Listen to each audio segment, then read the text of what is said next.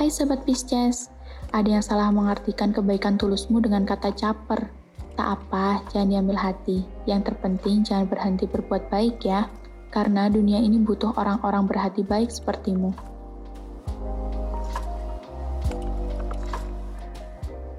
Percintaan untuk Pisces Lovebird.